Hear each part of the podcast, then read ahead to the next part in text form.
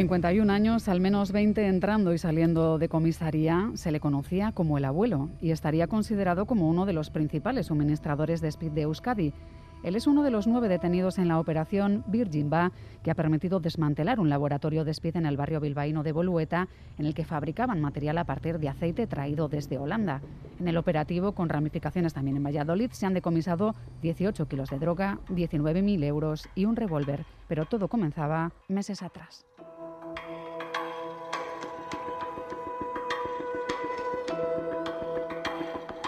En febrero, la detención de un individuo con dos kilos de speed permitió saber el punto de origen de la droga, un garaje cerrado, una ubicación extraña.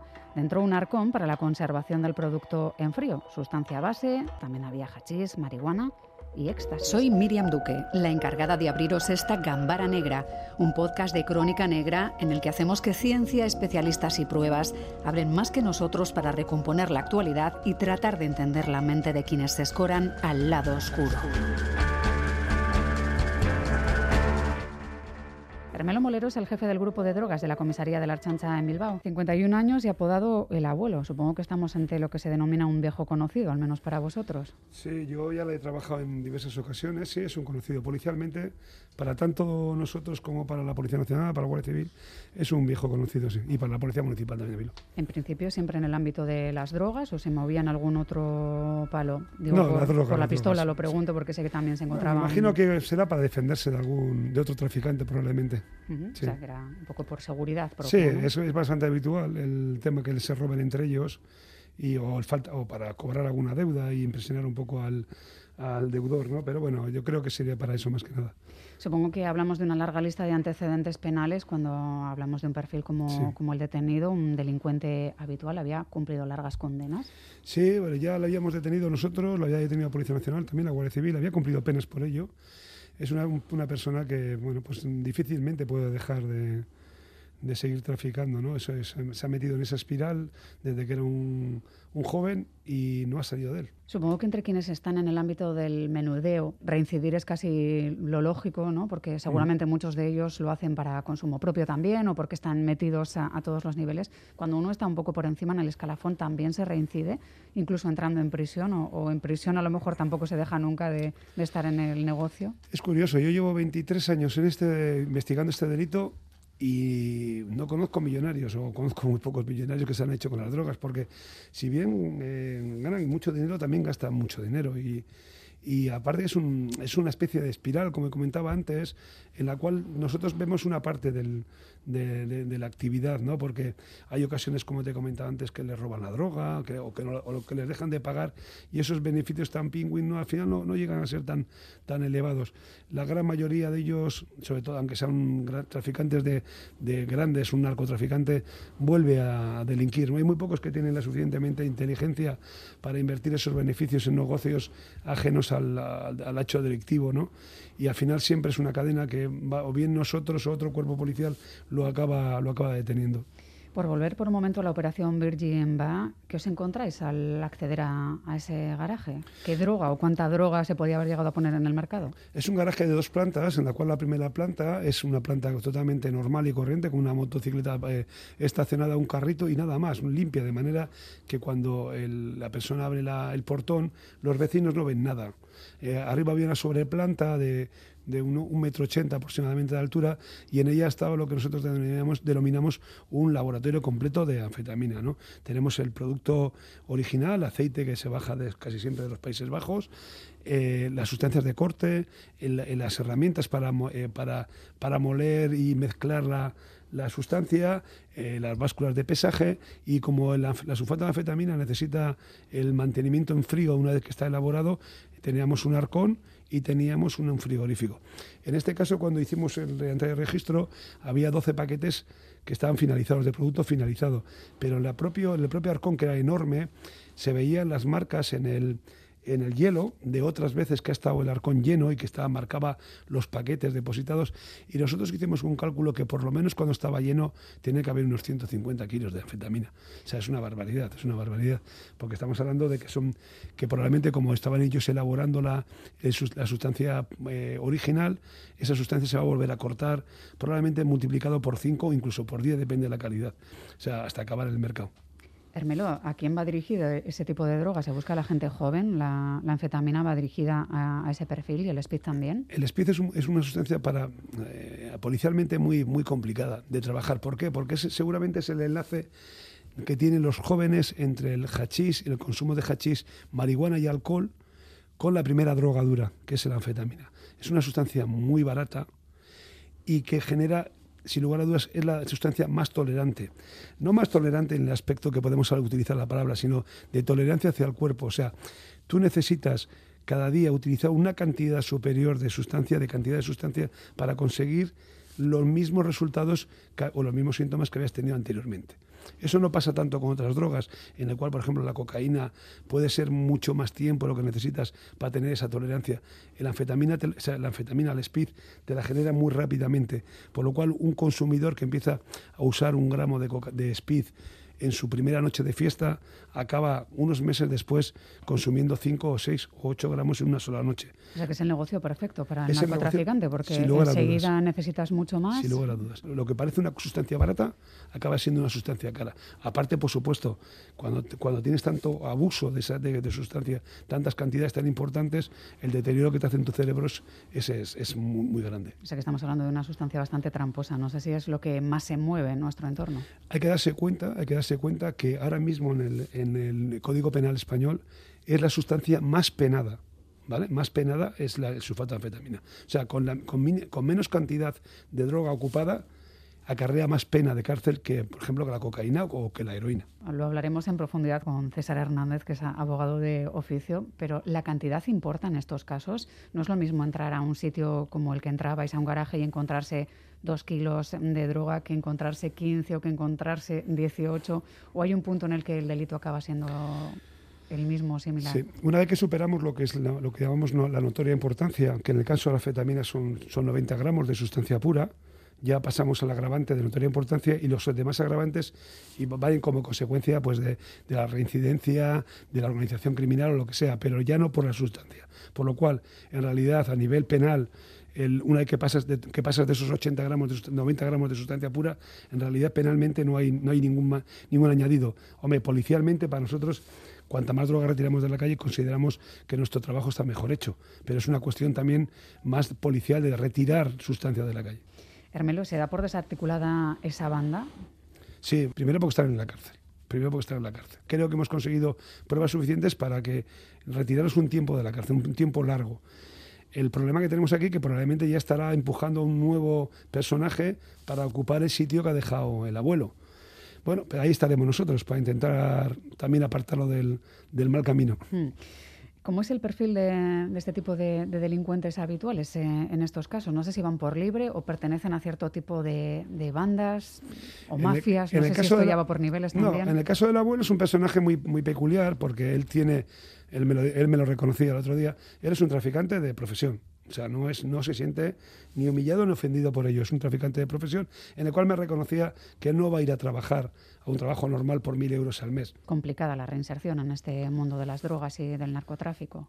Por desgracia sí, por desgracia sí, porque es difícil una persona que, es, que tiene capacidad de ganar unos pocos minutos unos miles de euros, unos cuantos miles de euros, que le, que le cambie su vida tanto como para ir a trabajar por mil euros al mes. Venga, para adentro, tira dos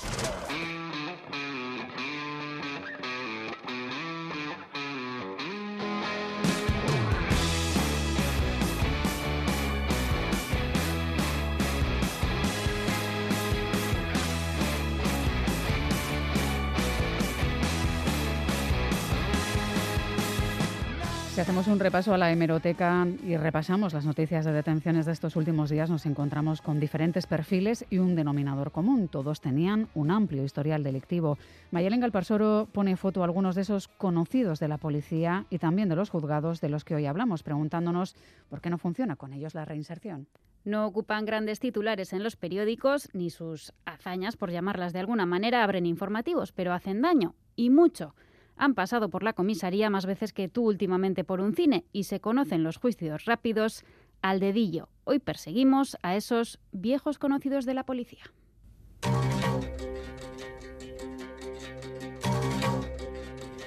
27 años y de origen albanés. Ha sido detenido en varias ocasiones por robos en chalés en la zona de Guecho y cuenta con numerosos antecedentes por el mismo motivo en otras comunidades e incluso en otros países. Un delincuente habitual que esta vez ha dado un paso más y a punto estuvo de matar a varias personas hace poco tras una pelea, cuando intentó disparar con su revólver oxidado. Ahora se le acusa de intento de homicidio. 32 años y detenido en más de 45 ocasiones, la última en Bilbao. El mismo día robó dinero de la caja de un supermercado de Castro donde de paso se llevó varios sobres de jamón. También se llevó la caja registradora entera de un bar y al de un par de días repitió la jugada en un restaurante. Tras su última detención, se le acusa de al menos seis delitos contra el patrimonio. 23 y 50 años y una docena de robos con fuerza en viviendas unifamiliares de Uribe Costa. Aprovechaban para entrar de noche mientras los dueños dormían. Su botín, dinero y joyas. Han sido detenidos en Santurce. Y 51 años y ya le llaman el abuelo. Experiencia tiene porque ha estado 10 años en prisión. Esta vez le han pillado con un laboratorio de speed en un garaje de Bolueta. Bajó la guardia y ya tenía la policía muy muy cerca.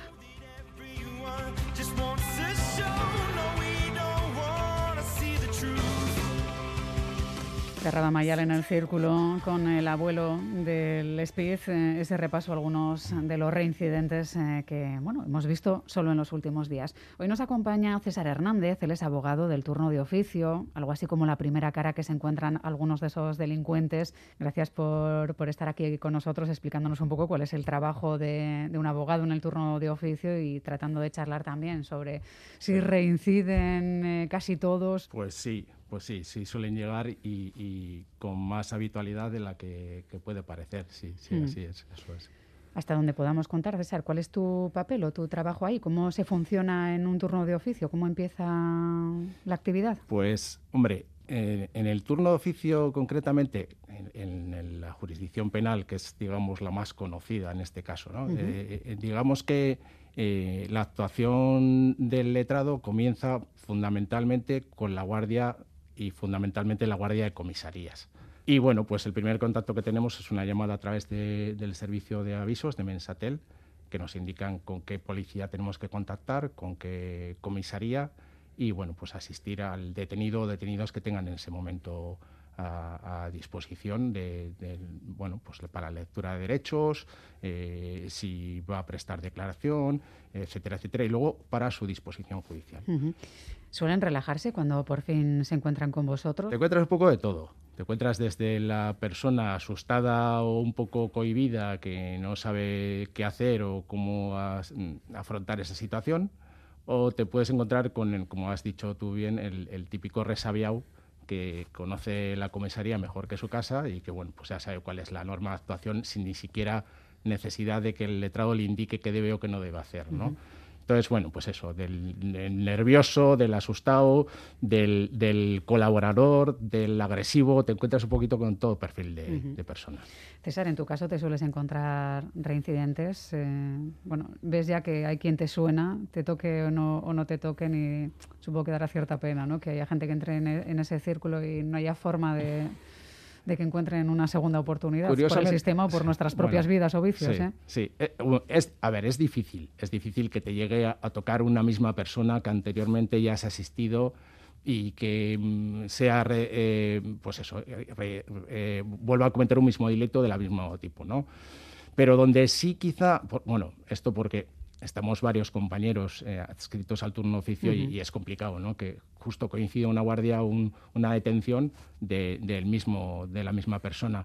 Pero, tendría que ser muy, muy reincidente. Muy, muy, muy, reincidente tendría que ser. Pero, por ejemplo, en, en, lo que son las guardias de menores, que igual también los compañeros somos menos los que estamos adscritos a ese turno, sí que he visto ocasiones en que me ha tocado un menor repetidas ocasiones. Y eso igual es más preocupante también. Eso, es. eso sí que tendríamos que reflexionar. Esto entraría dentro de fallo del sistema cuando es eh, un menor el que vemos demasiado por los juzgados.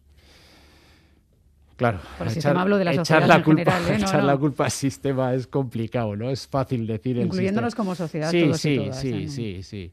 Bueno, en, en, este tipo de perfil al final, eso, normalmente todos, todos los temas de menores siempre llevan un informe psicosocial que te, pues te dan eso, los datos concretamente del menor, en qué familia, si es una familia estructurada, es estructurada, es un, menor que ha venido de fuera, si está acogido en diputación, etcétera, etcétera. Y digamos que cuando son menores lo normal es eh, que tengan más posibilidades de, reinserción, entiendo, en el sistema por la edad, por las posibilidades que hay, que vengan menos resabiados y que sepan menos, ¿no? Que, sí. que entiendo que hay un colectivo que ya sabe hasta dónde pueden delinquir, hasta dónde se puede pasar la línea para que sea hurto y no robo, para, para no arruinarse más de lo recomendable la vida. Bueno, además que, que, en la jurisdicción de menores lo que mayores son condenas o son penas, aquí son medidas. Y en el caso de los adultos, ahí sí que tienen clarísimo en muchos casos hasta dónde se puede llegar y dónde uno se complica, pero muchísimo el panorama y puede enfrentarse a penas de 10, 20 años. Hablábamos antes de, de, la cantidad de, de droga con, con, Hermelo, ¿no? Si es lo mismo 5, 10, 20. Bueno, lo que está planteando, desde luego, son los delitos, digamos, delitos mayores de mucha gravedad y con unas penas que efectivamente pueden llegar hasta los 10 o 12 años de prisión en el supuesto de bandas organizadas y demás. ¿no? Eh, en, el otro extremo, como tú bien dices, también existen los típicos delitos, pues mm, los hurtos, que, mm, como bien sabes, o si no se sabe, en principio lo que legalmente establece la ley es que, bueno, pues por encima de 400 euros es una pena privativa de libertad, por debajo de 400 euros es una pena de multa.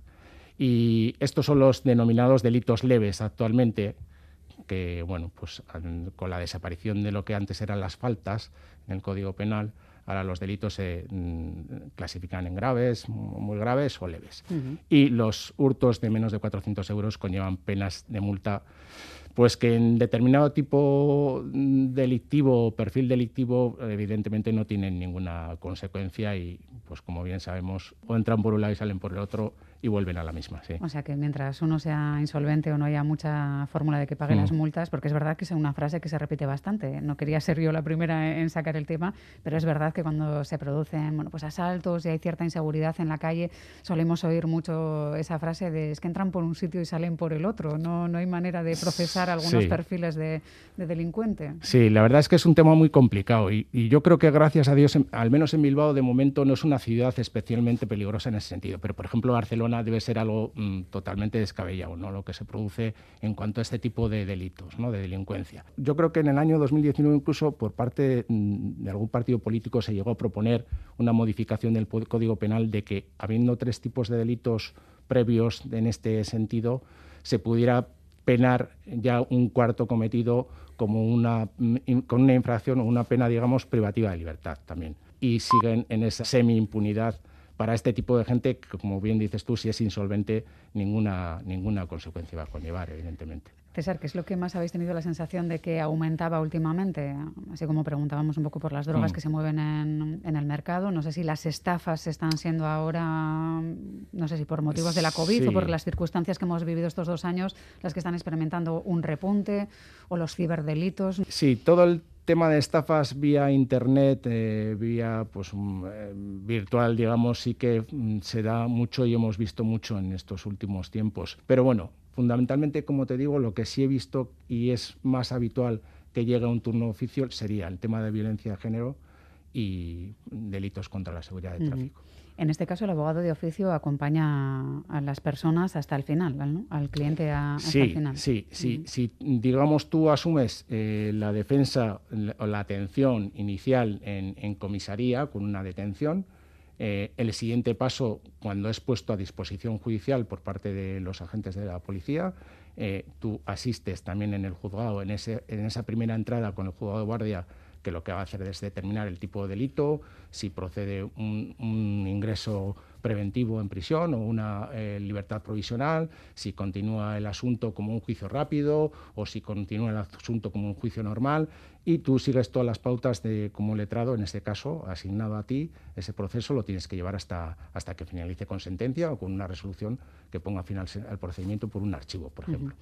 Supongo que parte de ser abogado de oficio es, entiendo que es parte de una obligación moral, pero también eh, puede que sea, no sé si vocacional, pero, pero sí que gratificará en cierta medida, ¿no? Estar formando parte de esa sociedad que queremos mejorar o que queremos cambiar, aunque no estará exento de momentos en los que a uno se le complicará, ¿no? Pues porque el caso es duro, por lo que fuere. Bueno, de, hecho, la adscripción al turno de oficio hoy en día es voluntaria ves muchas miserias y te toca pues eh, bueno pues eh, bregar con asuntos que igual no son nada nada mm, pues deseables ni de ver ni de conocer. Pero hay veces también en que los que bueno pues cierto es que no siempre el malo es tan malo y que hay ciertas circunstancias por las que igual tienes también que pelear. Y mm. esa es también nuestra labor. No es siempre el tema de conseguir quizá una absolución que igual sí pero también el ver si realmente hay circunstancias que pueden influir en la calificación delictiva y en su penología y bueno, pues un poquito estar pendiente de estas circunstancias y bueno, también te encuentras, la verdad, clientes agradecidos. ¿eh? Sí, ¿no? Sí. Pues está bien, ¿eh? que, hacen que merezca la pena ir a trabajar, aunque entiendo que será difícil eh, ese turno de oficio, mm. no sé si lo entendemos bien desde fuera, si a veces te llega un poco la sensación de, pero ¿cómo pueden defender a esa persona? ¿no? Pero todos entendemos que tenemos derecho a que se nos represente en el peor de los momentos de nuestra vida, porque quién sabe lo que puede llegar a pasarnos o de qué llegamos a ser capaces en el momento de desesperación masiva, ¿no? Sí que luego haya gente que bueno, pues eh, sea más malvada o, menos malvada.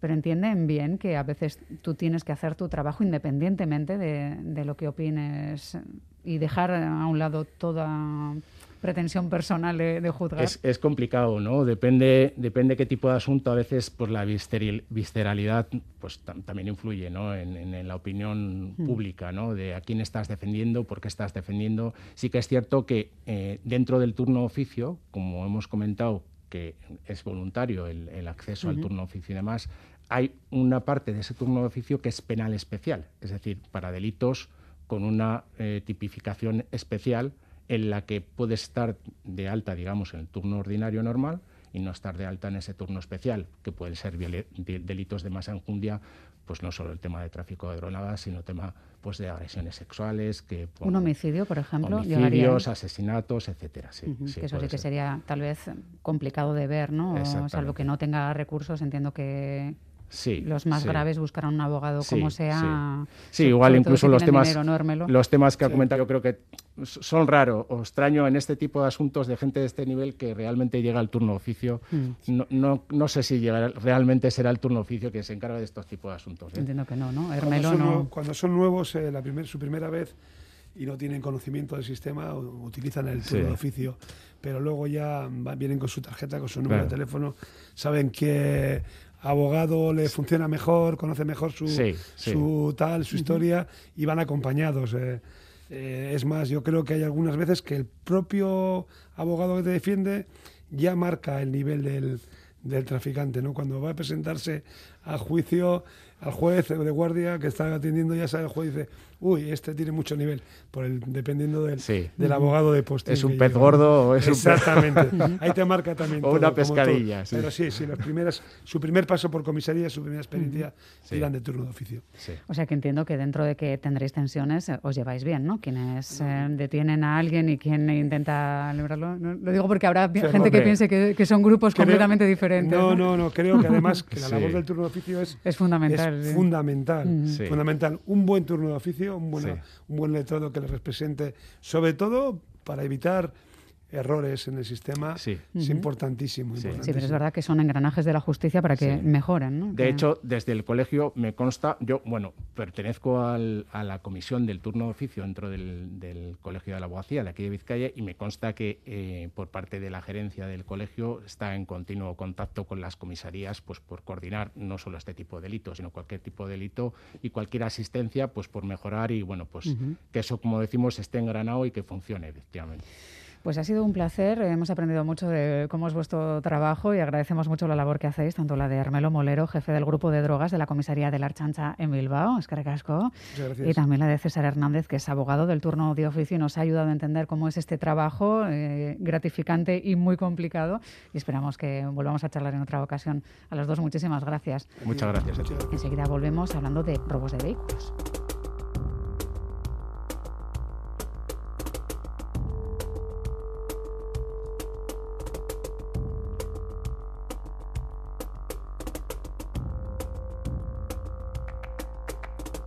El denominado abuelo del Speed detenido en el marco de la operación Virgin Ba.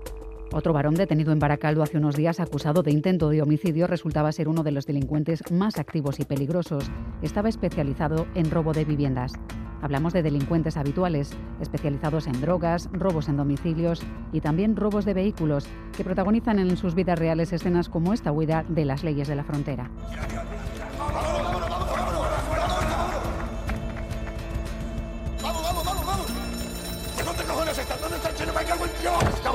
Vida. ¿Y Tere? ¿Dónde está Tere? ¡No podemos irnos sin ella! Ella está buscarse la vida solita. Pero sí, pero momento, espera. Huyen a toda velocidad de la policía tras atracar una sucursal bancaria. Un homenaje de Daniel Monzón, aquel cine kinky de perros callejeros, o el vaquilla, el torete. Tiene basado en la vida de chavales que siendo niños aprendían a hacer puentes y a conducir sin apenas llegar a los pedales. Un cine que hablaba de redención de jóvenes delincuentes, pero basado en historias vitales que acabaron casi siempre muy, muy mal. No se mueve, Torete, no se mueve, está muerto. Calla, cagado, que va a estar muerto, se desmayó nada más. ¿Tú eres ese que llaman el Torete? Sí, señor. Adentro.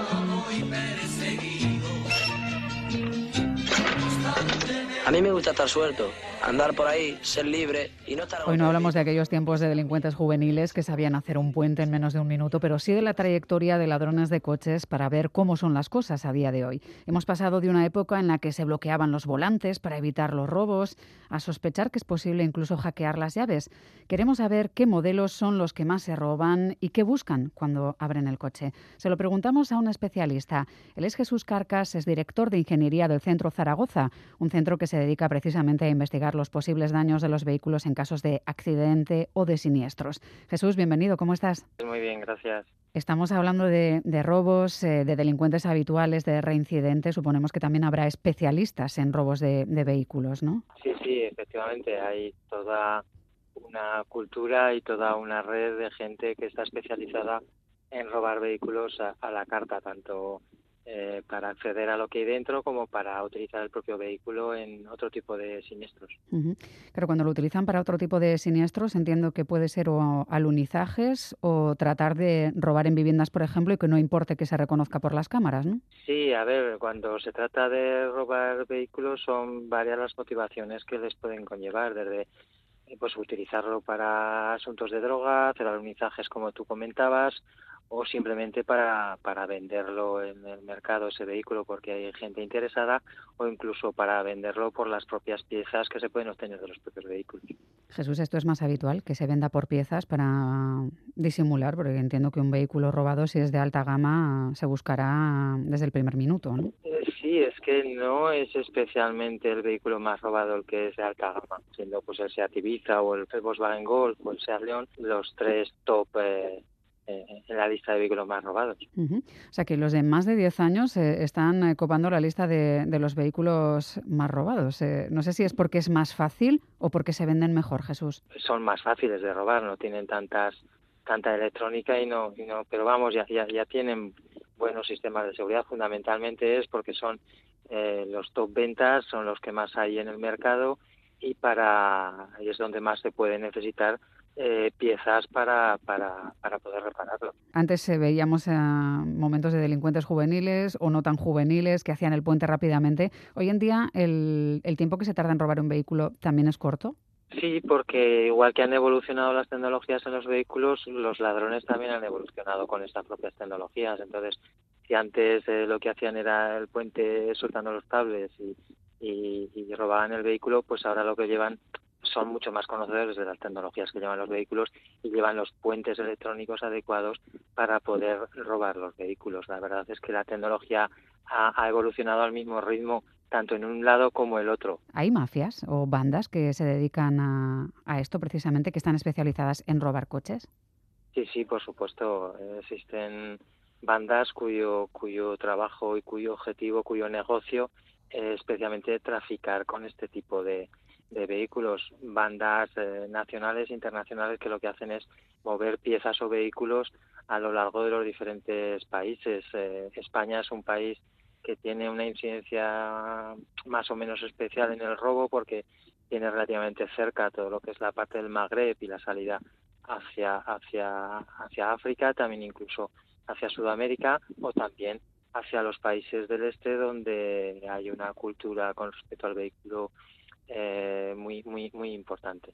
Pues agradecemos mucho las recomendaciones y la radiografía que ha hecho Jesús Carcas, eh, que está especializado precisamente en, en, esto, en posibles daños de vehículos en caso de accidente siniestro o robo. Es director de ingeniería del Centro Zaragoza. Jesús, un abrazo y hasta la próxima.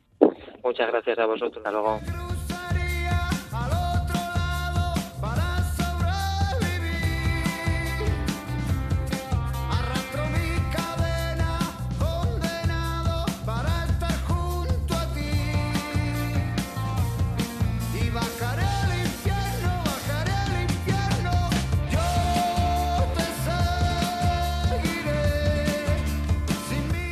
Carlos Basas es escritor especializado en novela negra, director mucho tiempo de Pamplona Negra y no sé si también amante del cine kinky, que pues está siendo un poco parte del devenir del programa. Hola Carlos, ¿qué tal? Hola, ¿qué tal? Muy bien, muy bien. Sí, sí, amante del cine kinky, grandes películas. Sí, la verdad es que sí, grandes bandas sonoras que tal vez eh, en casas de continuo se nos harían raros, pero te llevan claramente a una época y a un cine. De hecho, creo, no se pueden separar. Es decir, ese cine de esa música eh, hablamos sobre todo en España de dos, dos directores eh, como fueron José Antonio de la Loma y Eloy de la Iglesia, que son los máximos representantes de este tipo de cine, que empezó ahí a finales de los 70 y que tuvo su máxima eclosión eh, en los 80, principios de los 80, con películas que yo creo que a todos los de mi generación nos suenan. Mm.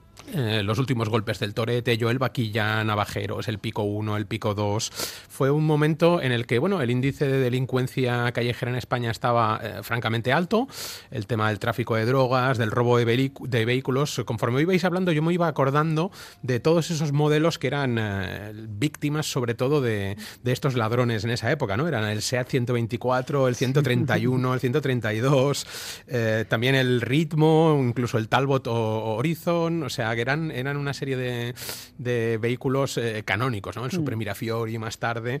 Y, y, entre los actores que iba a decir destacaron, o bueno, pusieron cara a esos principales delincuentes, muchos de ellos eh, no eran actores profesionales, sino eran... muchos de ellos no eran ni actores, que eran ellos mismos que, contaban su vida unos años después. recordamos eh, todos malogrados, por desgracia, eh, por la vida que, llevaron. Bien, la mitad murieron de sobredosis, la otra mitad murió de sida. me parece. Sí, y bueno, recordamos nombres como José Luis Fernández de Guía, que era el Pirri, Ángel Fernández Franco, que era el Torete, José Luis Manzano, José Antonio Valdelomar, que era el Mini, también Eulalia Spinet, que era conocida como Lali, Lali Spinet, Sonia Martínez. En esas películas había eh, mucha delincuencia, eh, mucho eh, sexo, mucha droga, mucho robo de coches, pero en el fondo... Pantalones prietos y flequillos largos. Sí, pero en, el fondo todas las historias acababan contando un poco lo mismo, ¿no? Era lo que se veían abocados a hacer, sobre todo pues la gente de esos barrios marginales, gitanos, mercheros, etcétera, mm. lo que se veían obligados a hacer para sacar adelante a sus familias, ¿no? Y tenían ese alto grado de crítica social eh, en una España eh, en la que bueno, las cosas en la calle iban mal.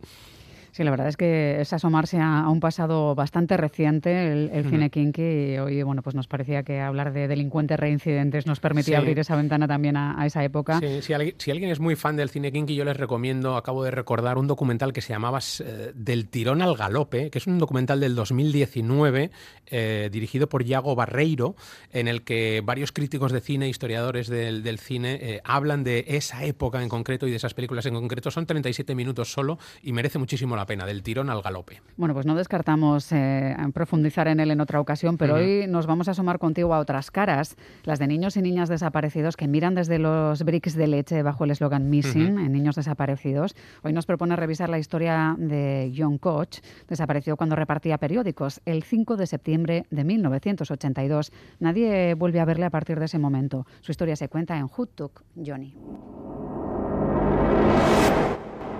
That's what I found that morning, sitting there empty. There was no crime scene. He just vanished.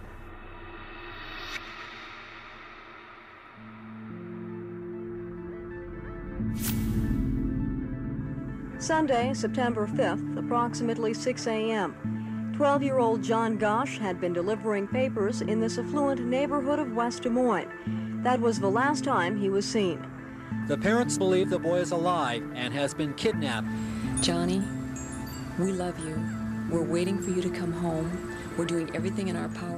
Escuchamos la voz de, la madre de ese chico que desaparecía a primera hora de la mañana, iba a repartir periódicos y solo se localizaba el carrito con su nombre rojo sin los periódicos y, hasta ahí, ahí se desvanecía, ¿no? Y además eso la policía parece decir que, bueno, pues que no ven delito, pero el niño no vuelve. Nos situamos eh, en un barrio a las afueras de Des Moines, en Iowa, eh, en esa madrugada en la que bueno, un chaval que habitualmente reparte periódicos para un periódico local se levanta, se dirige a la central de periódicos a recoger sus ejemplares que lleva en su carrito. Allí es visto por última vez por una serie de compañeros y desaparece sin dejar rastro.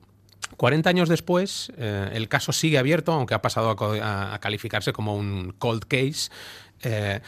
Pero em, este documental, Hutuk Johnny, quién se llevó a Johnny, quién secuestró a Johnny, eh, empieza siendo el clásico documental de, desaparición misteriosa. ¿no? Al principio la policía eh, se enfrentó a la duda de si el chaval, eh, Johnny, con 13 años, se había ido voluntariamente de casa, cosa que sus padres, por supuestísimo, negaban. un poquito más adelante empezaron a, gracias a los testimonios de algunos testigos que vieron un coche azul cerca de Johnny cuando se llevaba a los periódicos, a pensar que podía haber sido un secuestro. Pero las pistas eh, no iban más allá. Eh, la policía estaba absolutamente desconcertada y esa falta de pistas eh, fue haciendo que el caso se enfriara, que se guardara en un cajón y que todo el mundo, menos evidentemente los padres de Johnny Gosh, pues abandonaran la historia. ¿no? Hasta que de repente, una madrugada a las dos y media, años después, en el año 85, hay una llamada a la puerta de la casa de los Gosh. La madre Gosh abre y se encuentra frente a frente con su hijo Johnny. O eso es lo que ella afirma. Johnny aparece ya siendo un adolescente con pelo largo, eh, una gabardina, tejanos y una camisa amplia, con, acompañado de otro hombre, se sienta, le cuenta a su madre que es él, le enseña una marca de nacimiento que tiene en el hombro, le dice que, bueno, mm, eh, está bien, que está vivo, en todo momento mira al hombre que le acompaña para saber hasta qué punto puede contarle a la madre o informarle de lo que pasa o de, o de cómo ha estado viviendo, etcétera, y luego se van, ¿no? La madre informa a la policía de ese encuentro, ella jura y perjura que ha reconocido a su hijo y que es su hijo y que tiene la misma marca de nacimiento, pero la policía tampoco le da mucha credibilidad, ¿no? A partir de ahí, varios eh, ex policías, eh, ex agentes del FI, investigadores, pues empiezan a, eh, ahondar en el caso, ¿no? Y van comunicando a la madre una serie de hechos que ella interpreta como que su hijo ha sido eh, secuestrado por una red profesional de pederastas y que esa red profesional de pederastas no solo secuestró a su hijo, sino que en el propio Des Moines, dos años después, secuestraron a otro chaval, también repartidor de periódicos, del que nunca más se supo. ¿no? A partir de ahí el documental va tirando del hilo, va tirando del hilo, eh, va ofreciendo teorías de la conspiración, hasta que ya llegados los 2000 hay otro suceso que da la vuelta al asunto y que, bueno, no voy a revelar para no hacer spoiler. Bueno, hoy no vamos a revelarlo porque Carlos es muy dado a contar ahí el detallito que te hace, pero no, vamos a dejarlo en alto. Un coche azul, la cara de ese niño rubio, ese carrito. Bueno, este trabajo, anda un poco en esa historia, nos traslada ese 5 de septiembre de 1982 y a bueno, esos 30 años de, lucha de, la familia, ¿no? porque se vuelve a repetir que, siguen ahí, que reciben multitud de llamadas, como pasa siempre. ¿no? Cuando desaparece alguien, hay montones de gente que tratando de ayudar entorpecen la investigación sí, y otros o quien quiere malmeter. ¿no? Eso es. Sí, sí, sí. Y como decías tú, esa imagen icónica del cine norteamericano, las caras de los chavales en los bricks de leche, eh, John, Johnny Gosh no fue el el primero fue un chico llamado Ethan Patz, pero las segundas caras que aparecieron en un brick de leche fueron las de Johnny Gosh y las de Juanita Lee Estevez, que también desapareció por entonces. ¿no? Y ha sido un método eh, que ha sido bastante útil para localizar a, determinados desaparecidos. ¿no? Fue esto de poner las caras de los chavales eh, y de los niños que habían desaparecido y habían sido secuestrados en los cartones de leche, y otro fue eh, la alerta Amber, ¿no? el establecimiento de la alerta Amber cuando un menor eh, pues eh, falta de su casa para que la policía no tenga que esperar como antes, como antaño, como se decía siempre en las películas, esas 72 horas antes de, iniciar una búsqueda. ¿no? Eso es, porque se escucha en, ese fragmento que escuchábamos antes, se oía precisamente como la madre le desesperaba oír eso, ¿no? que había que esperar 72 horas por si el, niño se había ido solo cuando ya estaba segura de que alguien se había llevado a Johnny. Así se titula este documental, esta historia, Who Took Johnny, que nos habla precisamente de, de esa historia. Nos traslada al año 82. 1982. Carlos Basas, como siempre, gracias por la propuesta, por, por esta historia. ¿eh? Veremos a ver cómo acaba, ya cada uno y cada una. Un placer. Cámara Negra, el podcast de crónica negra e investigación, te espera en el lado oscuro.